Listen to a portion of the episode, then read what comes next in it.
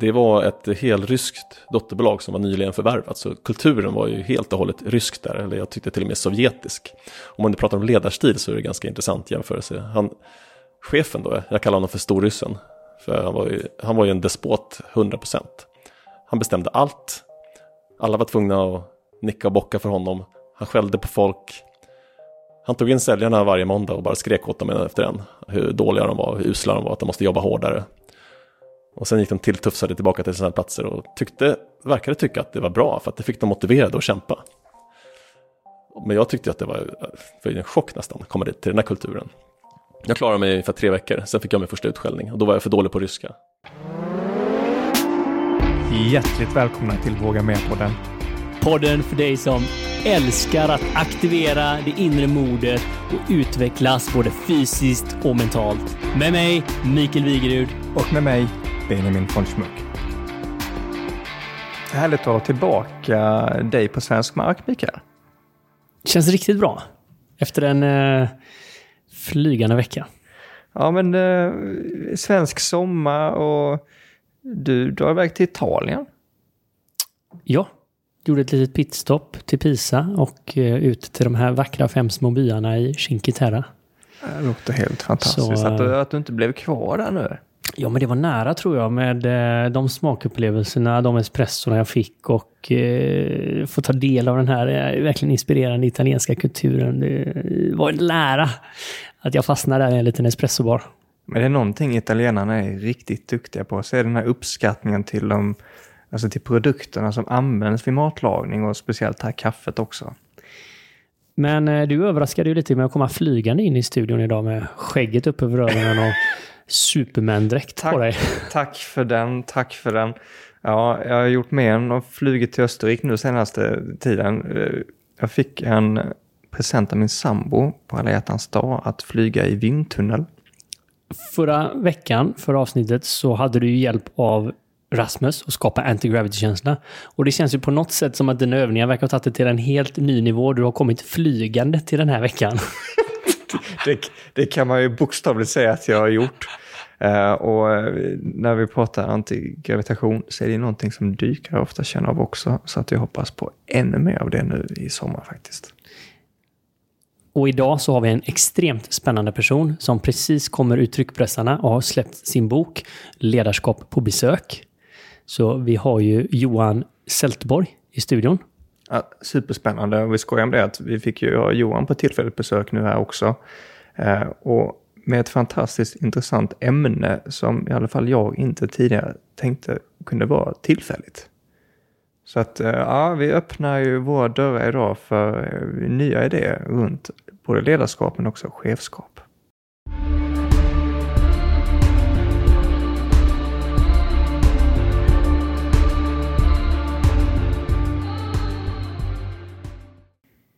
Idag är riktigt spännande för vi har finbesök i studion från huvudstaden. Precis eh, inrullad från Stockholm har vi en pionjär, skulle vi faktiskt säga, inom ett eh, ledarskapsområde. Där ledarskapet är tillfälligt, kanske vi kan kalla det. Eller interim. Och vissa av er kanske inte säger någonting om än, men Johan Seltborg håller just nu på att kratta manegen för interimledarskap och hur man på olika sätt kan utveckla bolag. Eh, det är väldigt spännande för oss, Johan, att ha dig här som Chalmers-ingenjör i grunden och haft en resa med olika arbeten runt om i världen. I Ryssland, i London, San Francisco. Så är vi glada efter många år i Stockholm att äntligen ha dig på rätt sida Sverige här igen. Så välkommen till Göteborg och Våga Mera-podden. Tusen tack! Fantastiskt och ledarskap som eh, vi brinner för så mycket här Mikael. Att få eh, verkligen djupdyka i den här, för mig i alla fall, nya biten av ledarskap. Det här tidsbestämda ledarskapet ska bli så himla spännande. Det, det är ett laddat ord, ledarskap. Jag tycker alltid det är intressant när man använder det. För för många så väcker det negativa känslor. Från kanske dåliga chefer, dåliga upplevelser och så. Men för många kanske det också väcker väldigt positiva minnen. Man har varit i eh, team med härliga människor. Man har varit i förändringsarbete och man kanske till och med tänker på sitt egna ledarskap när man har lett sig själv till stordåd eller stor förändring. Så det ska bli väldigt kul Johan att, att höra mer om dig som proffs på ämnet och med härliga erfarenheter från olika bolag också. Då. Så låt oss hoppa in lite mer och se eh, lite mer vem du är först. För det är vi väldigt nyfikna på. Absolut. Superkul att vara här måste jag tillägga. Man blir alltid glad när man rullar in på Göteborgs central och får höra den härliga, den härliga göteborgskan som man ändå saknar där uppe. Även om det är ganska mycket göteborgare i Stockholm också. Jag ska göra mitt bästa för att smälta in. men, men Johan, om du, om du skulle beskriva dig själv, vad är du för typ av person? Oh, vi börjar med en bred fråga här märker jag. Um, jag är en person som uh, sätter humorn långt fram, men det är viktigt för mig att ha kul. Jag uh, gillar uppmärksamhet och stå i centrum. Jag är seriös, driftig, men uh, tycker absolut bäst om att jobba med ett smile i mungipan. Annars eh, gillar sport och musik.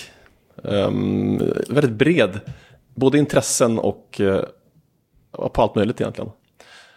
Man brukar säga halvbra på allt, inte superbra på något. Men eh, gillar många olika saker, både vad gäller fritid och jobb och så vidare. Kanske ett skäl till att jag har bytt jobb ganska ofta genom åren. Bra egenskap det här alltså. Det är ju något vi brukar stimulera Våga Meras lyssnare att eh, våga. Jag, jag, läste i din, eh, i din bok där Johan, att eh, du nämnde någonstans eh, Sverige som trygghetsnarkomanernas land. Ja. Jag har läst en bok av David Eberhardt som heter I trygghetsnarkomanernas land. Jag, jag tycker att det är ganska träffsäkert faktiskt. Jag tycker att det är ganska utbrett i Sverige att man klamrar sig fast vid saker för att man inte vågar ha en förändring. Det är väldigt många som har, är på jobb där de inte trivs, fast de vågar inte riktigt säga upp sig, vågar inte sluta. Det finns till och med, jag känner folk som klamrar sig fast i a-kassa istället för att starta eget och sådana saker. För att det är så viktigt att ha tryggheten framför allt. Vi har ju väldigt stark tradition av, av arbetsrättslig trygghet och så vidare. Om man jämför med andra länder till exempel där det är betydligt lättare att bli av med jobbet men ja, många säger att det är därför det är lättare att få jobb också. Så jag tycker att, jag tycker att det ligger mycket i det. Det känns ju som ett commitment det här med att byta jobb eller att, att ta in en anställd och så här. Ett commitment ofta från bådas håll på ett sätt som kanske inte är reflekterat på samma sätt om vi kollar på USA eller liknande. Ja. ja men det är extremt intressant hur det här något väldigt positivt som vi har byggt upp i Sverige på individnivå nu då faktiskt kan bli väldigt negativt. Ja. För det är ju inte roligt för någon inblandad när man är på ett ställe som man inte vill. Det spelar ingen roll om det är ett förhållande eller om det är ett jobb eller eh, en klubb eller vad det nu må vara. Men jobb är så jäkla tydligt. Ja. Eh, och jag har skojat om det några gånger här i podden, men i en del av mitt egna liv så gjorde jag en studie på människor runt omkring mig. Hur de trivdes på sina jobb. Och de, de flesta av mina vänner var ju välutbildade, framgångsrika, duktiga arbeten. Men det var svårt att hitta folk som trivdes på sina jobb. Mm. Ja, det är otroligt. Ja, det är helt otroligt. Och jag kan bara säga till mig själv, jag skrattade ju här innan och sa hur svårt det var för mig att sluta på SKF. Ja. Det var ju mitt svåraste beslut i livet. Jag gav ju upp till och med och tänkte jag får jobba kvar till pensionen. och det måste hänga ihop mycket med det du säger med den här tryggheten, att det är på något sätt är det primära. Ja. ja för säga upp sig utan något nytt jobb att gå till, det är ju väldigt få som gör. Så det är ju väldigt modigt att du gjorde det ändå.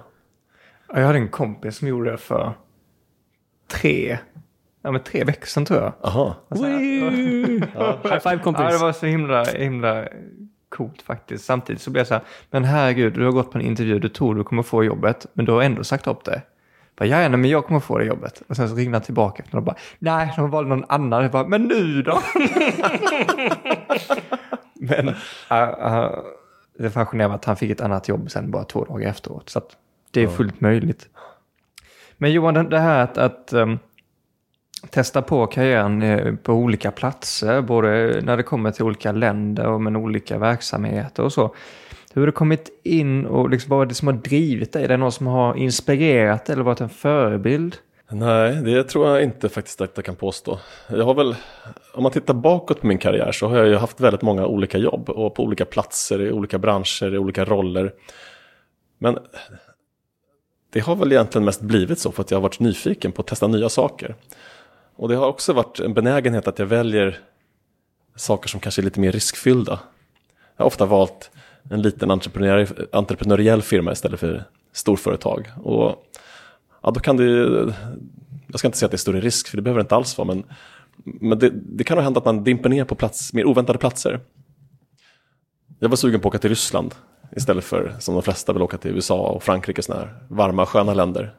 Men det lockade mer det här lite mer annorlunda, dramatiska, som inte är direkt i feelgood på något sätt, men ändå mer, mer äventyrligt. Just nu har det ju en liten annan klang att säga att jag var sugen på att åka till Ryssland. Ja. alltså, äventyrligt kan man nog kalla det. Mm. Men det här var, för vi, vi har alla tre delat arbetsgivare också. Ja, SKF, det är ja. superkul. Ja, det är helt och alla tre var till Ryssland, tänker jag sig. Ja. ja, precis. Men eh, du åkte till eh, Ryssland med SKF? Ja, exakt. Och då var det ju något helt annat. Det var 2004 jag åkte dit. Då var det ju världens eh, drag i Ryssland. Alla ville investera där. Det var ju tio år efter glasnost och perestrojka så alla trodde ju supermycket på att Ryssland kommer ju utvecklas i en demokratisk riktning. Vilket det såg ut att göra, det gick, allt gick åt rätt håll då. Massa investeringar, ekonomin blomstrade, hög tillväxt, det var ju faktiskt hur kul som helst. Ja, det var då mycket av det här, alltså Rysslands fonder och sånt började ja, att ta fart. Och... och ja, det, fanns, det var en sån enorm framtidstro om Ryssland. I, hela världen trodde på Ryssland egentligen tack vare att man öppnade upp landet och det blev, eh, jag trodde kanske aldrig att det skulle bli ett västland som vi, vilket många felaktigt trodde. De har ju alltid haft sin egen riktning. Men jag trodde ändå jättemycket på att de skulle bli mer demokratiska och att, att eh, det här sovjetiska arvet gradvis skulle försvinna. Men nu har ju tyvärr alla förhoppningar kastats om ända. Ja, vilket är det får vi hoppas att det rätas ut. Du nämnde här Johan, precis innan vi satte på micken, att men Ryssland det tog mig från pojke till man. Ja, stämmer. Vad, vad menar du med det? Kan du utveckla? Det är ju... Jag jobbade på SKF i Ryssland, men det var ett helryskt dotterbolag som var nyligen förvärvat, så kulturen var ju helt och hållet rysk där, eller jag tyckte till och med sovjetisk. Om man nu pratar om ledarstil så är det ganska intressant jämförelse. Han, chefen då, jag kallar honom för storryssen, för han var ju, han var ju en despot 100%. Han bestämde allt. Alla var tvungna att nicka och bocka för honom. Han skällde på folk. Han tog in säljarna varje måndag och bara skrek åt dem en efter en. Hur dåliga de var, hur usla de var, att de måste jobba hårdare. Och sen gick de tilltufsade tillbaka till sina platser och tyckte, verkade tycka att det var bra för att det fick dem motiverade att kämpa. Men jag tyckte att det var, det var en chock nästan att komma dit till den här kulturen. Jag klarade mig för tre veckor, sen fick jag min första utskällning och då var jag för dålig på ryska. Men eh, kom, du hade varit kom, där i tre veckor då. Kom det då ja. liksom från koncernen från Sverige? Hade du sett kulturen där eller var det första gången? Nej, jag jobbade i Sverige ett år först. Så jag skickades okay. dit som Så det liksom blir en ganska kontrast då? Va? Ja, verkligen. Men ingen hade egentligen... Det är klart att svenskar hade åkt till Ryssland på, på besök, men det var ingen som hade bott där. Ett skillnad att ha smekmånad bara. Verkligen. Så det var ingen, ingen i Sverige som egentligen kände det ryska kontoret så bra. Så jag damp ner där, som i, som i fallskärm, lite grann som jag gör nu för tiden också. Jag gillar ju fallskärmsliknelsen, för det, det är väl ganska ofta så jag har känt mig, att jag dimpt ner i fallskärm lite här och där. Men, äh, men det, var, det var ju rätt så tufft att jobba där. Och hela samhället, även om utvecklingen var positiv, så var det ändå ganska tufft att leva där. Bara att ta sig över en gata kunde ju vara dagens projekt det var ändå ett väldigt annorlunda samhälle. Vi har sett det, så här, antal eh, döda per capita i, i Ryssland för alla olika orsaker. Ganska högt om man jämför med liksom, mm. andra länder i, i Europa. Så det, ja. Man kanske bara gå över, gå över gatan kan ju vara farligt. Nu tittar jag på dig Mikael, för det är en helt annan story när vi går över gatan i Indien eller Indonesien. I och för sig, va? Men, men ändå. Va? Har säkert likheter. Ja, det har säkert likheter. Men det, det påminner mig när jag kom till eh, Moskva och till SKFs kontor första gången. För det här är ju ganska många år efter. Det här måste varit 2012 eller 2013 mm. som jag kom första gången. Och då med en bild av Ryssland som kanske, om jag skulle åka till ett lite mindre utvecklat eller fattigare land. Mm. Men då kom jag alltså det var det lyxigaste jag någonsin har sett i Moskva. Alltså. Mm. Aldrig sett så mycket eh, Gucci-butiker och eh, pälsar och stora bilar. Det var ju mer lyxbilar än eh, i Dubai alltså. Mm. Det är ju ganska vulgär kultur. Den som har pengar, den är ganska noga med att skylta med det. Det finns ingen ödmjukhet på det sätt som vi eh, känner. eh, Alltså, Finns det något ord för lagom? Nej, det gör det garanterat inte. Ja, nej.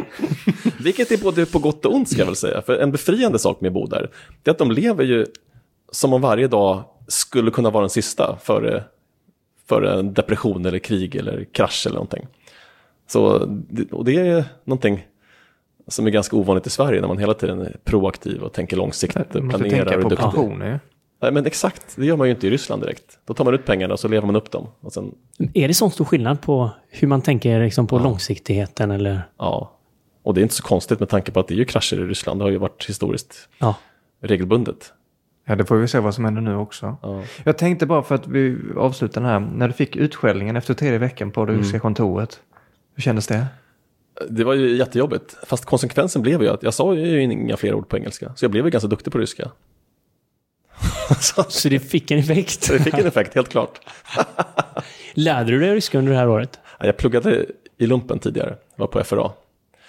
Eh, och jag lyckades, jag lyckades, man kan väl säga att han slarvade med intervjun, den ryska chefen. För han trodde att jag var flytande när jag kom dit. Men det var långt ifrån. Jag var sämre än vad jag själv trodde också. jag hade glömt ganska mycket, så ja, det, var, det var tufft i början faktiskt. Och bara, ovanpå alltihopa ska man då lära sig det här språket som är supersvårt jämfört med de romanska språken och germanska. Ja, men det, Men- det, är- det är väldigt intressant det där nu när människor kastas runt om i Europa också till nya länder. Mm. Och det, det är inte så himla ofta som vi som svenskar tvingas komma Nej. någonstans och lära oss ett nytt språk. Nej. Det är, det är långt ifrån alla som gör. Ja. Men jag tycker att det är så otroligt mycket mer berikande att vara i ett land där man pratar språket. Även om man kan ta sig fram på engelska i de flesta länder så är det ju det ger en helt annan dimension av att lära känna folk och kulturen när man faktiskt kan språket. Vilka språk pratar du? Franska också. Franska, ryska, svenska, Ja, engelska? engelska. Jag har pluggat lite kinesiska men ah, det är ju borta för sen länge. En kort paus. Våga Mera växer så att det knakar. Och vill du hjälpa Våga Mera att fortsätta att inspirera och skapa förändring och hjälpa oss med utvecklingen av podden? Så finns det en enkel sak du kan göra här och nu. Och det är att följa podden. Och det går till lite olika beroende på hur du lyssnar. Lyssnar du via Spotify så finns det en följa-knapp precis under bilden. Och lyssnar du till exempel via Apple Podcast så finns det ett plus uppe i högra hörnet. Så tryck där så är du alltid uppdaterad när nästa avsnitt kommer ut. Och givetvis fortsätt att vara den inspiratören du är.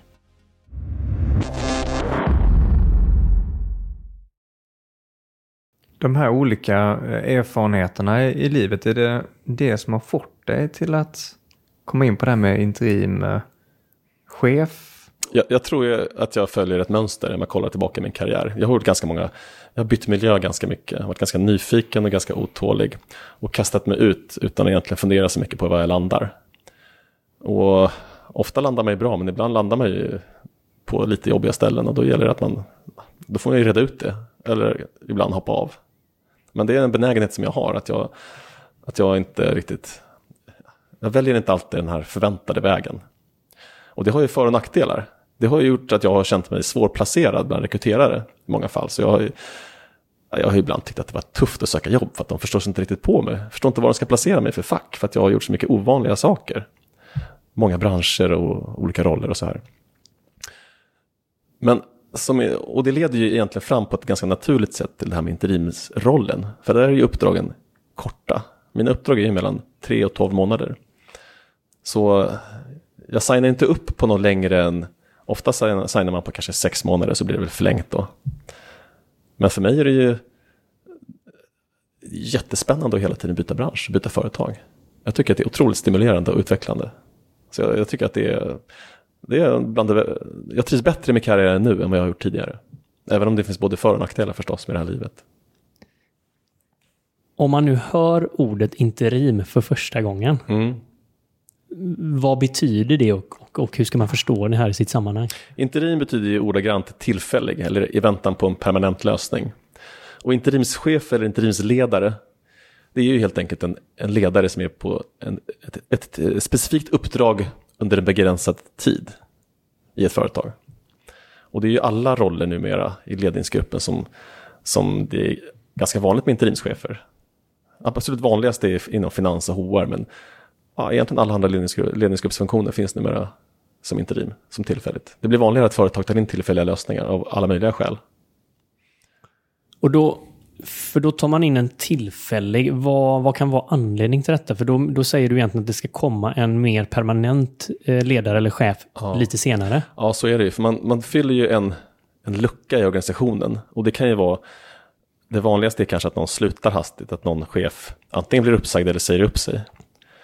Och då, i vissa fall så går det inte för ett företag att vara utan den chefen. Alltså, ett företag klarar sig inte mer än några veckor utan en fungerande ekonomifunktion. Så om CFO säger upp sig, då måste man ha en ny på stubben. Likadant om en vd säger upp sig eller blir uppsagd, då måste man direkt ta in en ny. Och ja, men då är det ju ibland den enda lösningen som är tänkbar att man tar in en interim som är tillfällig. Men det finns ju andra skäl. Föräldraledighet är ganska vanligt att man tar in interimschefer för att täcka. I väntan på uppdrag, det vill säga om det är en rekrytering av en ledningsgruppsfunktion, då tar det ju 6-9 månader att ha den på plats. Och istället för att vänta på den då, då är det ganska vanligt att man plockar in en tillfällig ledare under tiden. Då. Så mina uppdrag har varit allt ifrån såna i väntan på-uppdrag, när en rekrytering pågår, till att någon blir uppsagd på fredagen, så dyker jag upp på måndagen i fallskärm. Och får då Fallskärmsjägaren släpps ner från eh, planet. Ja, men det är lite så det känns ju faktiskt. För att eh, ofta är organisationen helt oförberedd på att man kommer.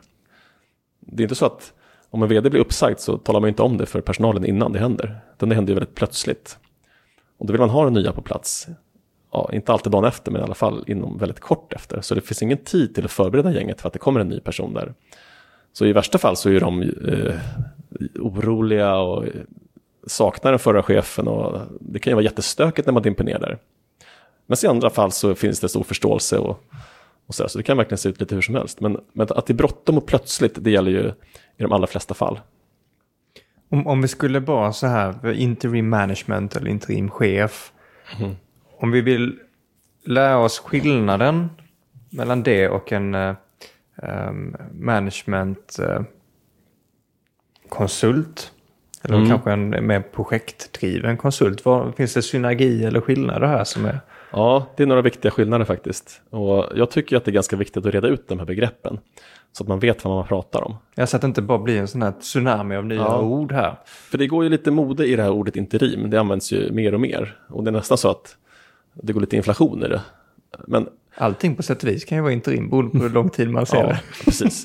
Men om man, om man nu pratar om de här rollerna så, ja, men definitionen på interimschef eller interimsledare, det är ändå en person som är i organisationen. Man, har en, man, fyller, eh, man, man är i en organisationsruta i organisationsschemat.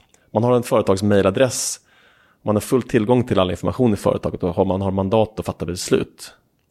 Så man jobbar ju i linje men under, under en begränsad period. Och sen är man egenföretagare. Det är viktigt, inte för företaget men för ens egen karriär är det jätteviktigt att man förstår att man, man är inte anställd någonstans. Man, man säger ju nej till all form av trygghet och går in som egenföretagare. Så managementkonsulten den jobbar ju oftast i ett konsultföretag. Då. Och som managementkonsult så levererar man, man gör en analys och levererar en, en rapport som företaget själva får hantera. Sig. Rekommendation utifrån ja. vad man har Men sett. som interimschef, jag brukar ju säga att första kanske månaden på mitt uppdrag, ja, men då är jag som en managementkonsult. Då är jag där för att analysera läget, jag intervjuar folk, jag kollar på status och så vidare. Så gör jag min analys och stakar ut en föreslagen väg framåt. Skillnaden är att sen är det jag som faktiskt genomför planen istället för att lämna över den till företaget. Så jag börjar som managementkonsult och sen är jag operativ. Så om man ska förenkla lite grann så är det så det ser ut.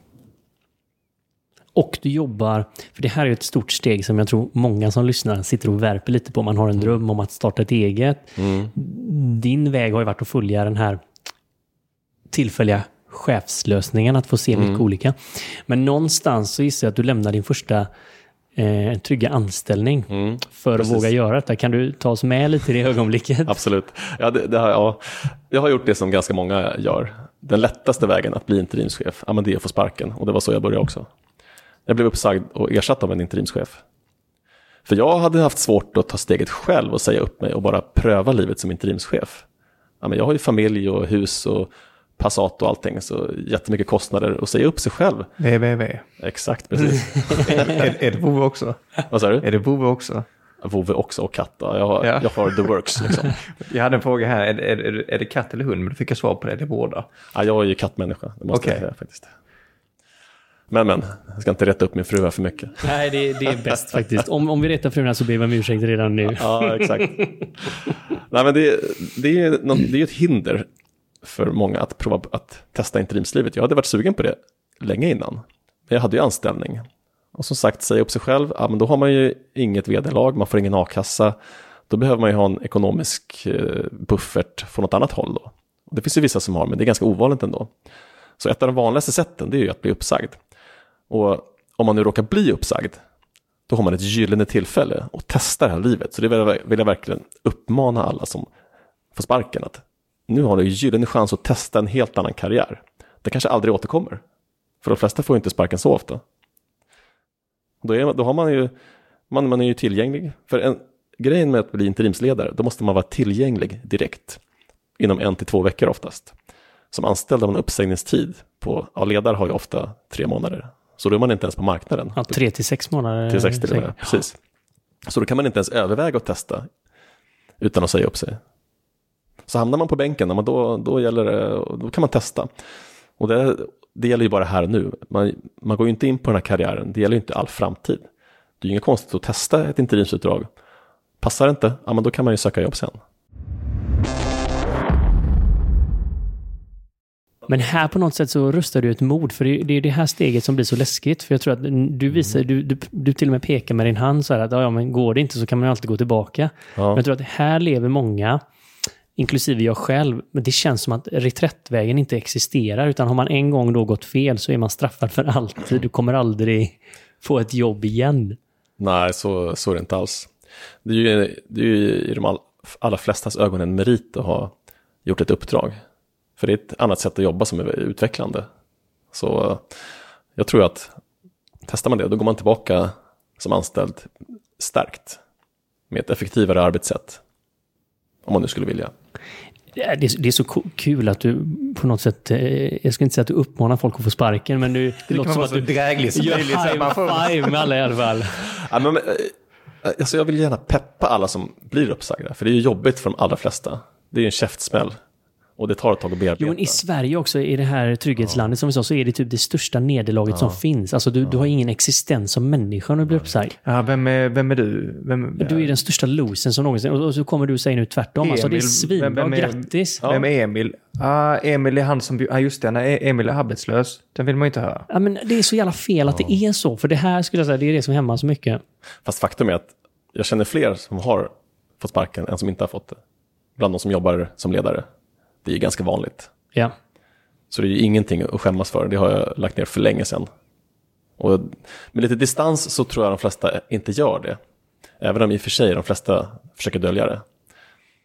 Alla säger att man kommer överens. Ja, jag kom överens med arbetsgivaren. ja. Men det gjorde inte du. Du var ju väldigt tydlig här med hur du kom ut från det bolaget. Ja, alltså officiella storyn var i och för sig att vi kom överens. För det, det var det han ville, han den nya interimschefen som ersatte mig. Han nu är storyn att vi kom överens för att lugna ner folket. Så det, det sa jag motvilligt till de andra också, anställda.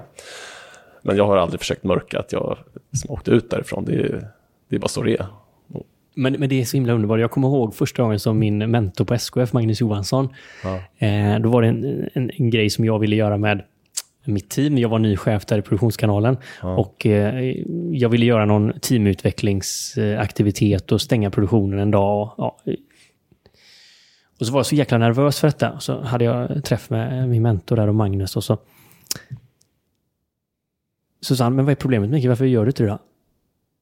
Ja, men alltså, jag vet ju att det här, ledningen kommer, jag är inte helt säker att de står bakom detta liksom.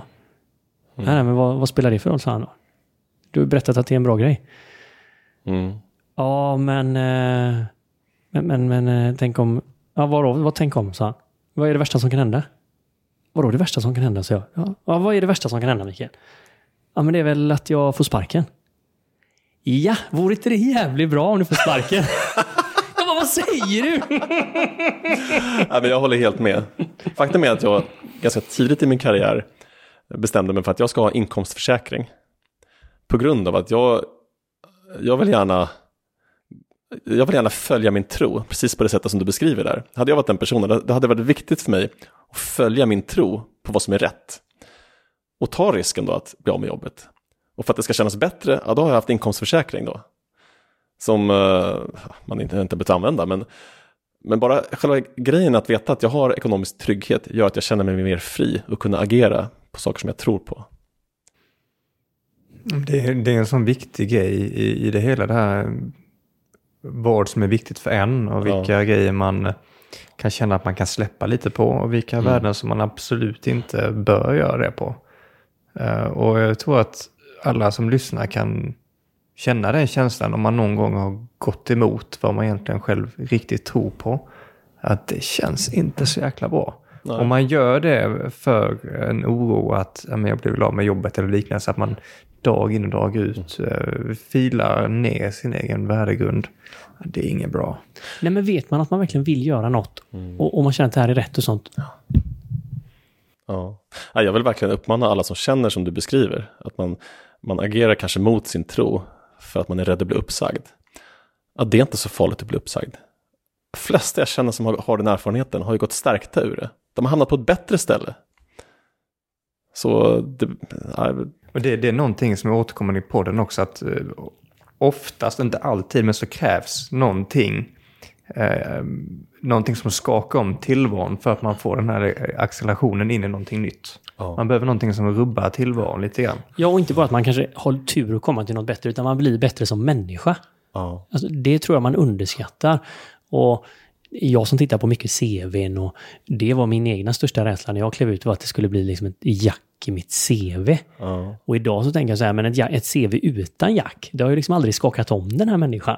Nej. Har jag aldrig fått bestiga ett högt berg eller verkligen utmanats för någonting. Nej. Jag träffade faktiskt en, ett styrelseproffs en gång som sa att uh, hon skulle aldrig anställa en vd som aldrig har fått sparken.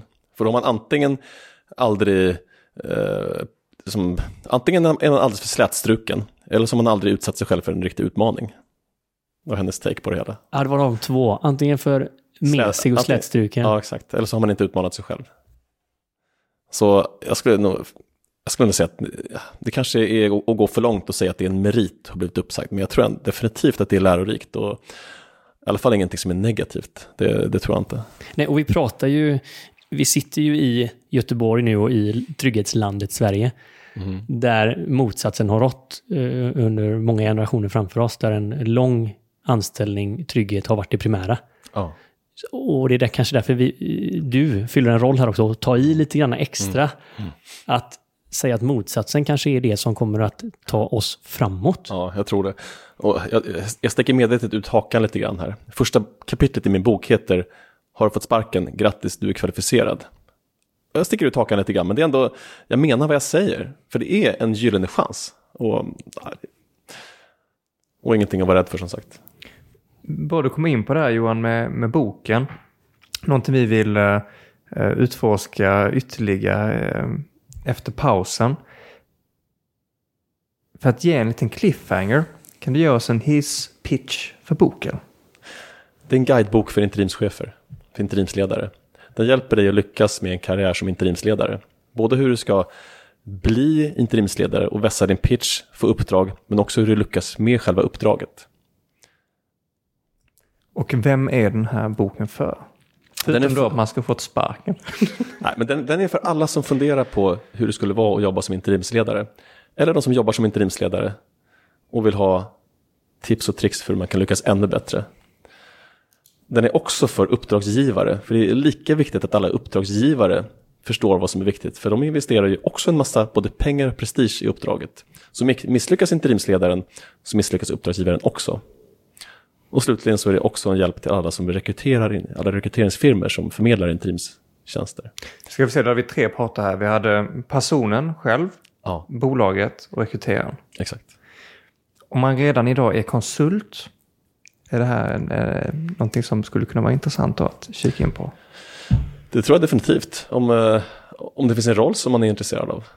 då är man ju redan egenföretagare och det är nog det största steget att ta, att gå från anställd till att vara egenföretagare.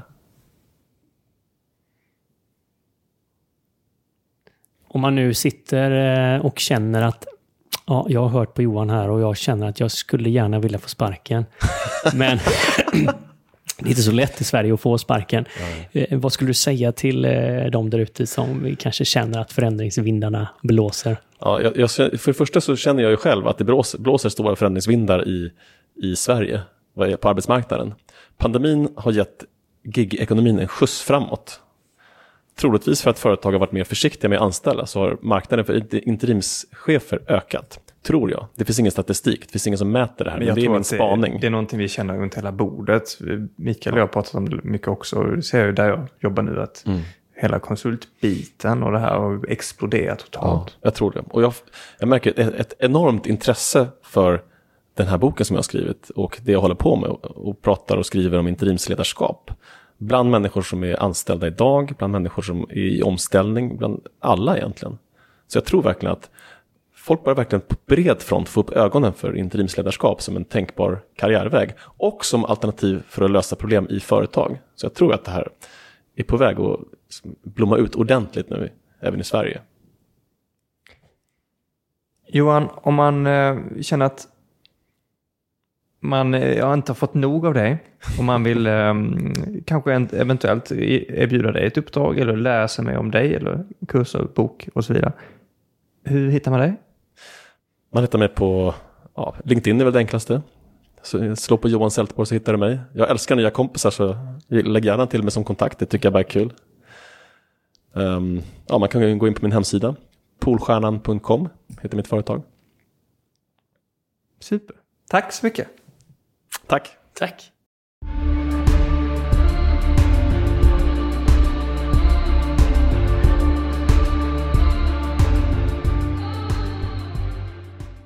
Du har precis lyssnat på Våga Mer-podden.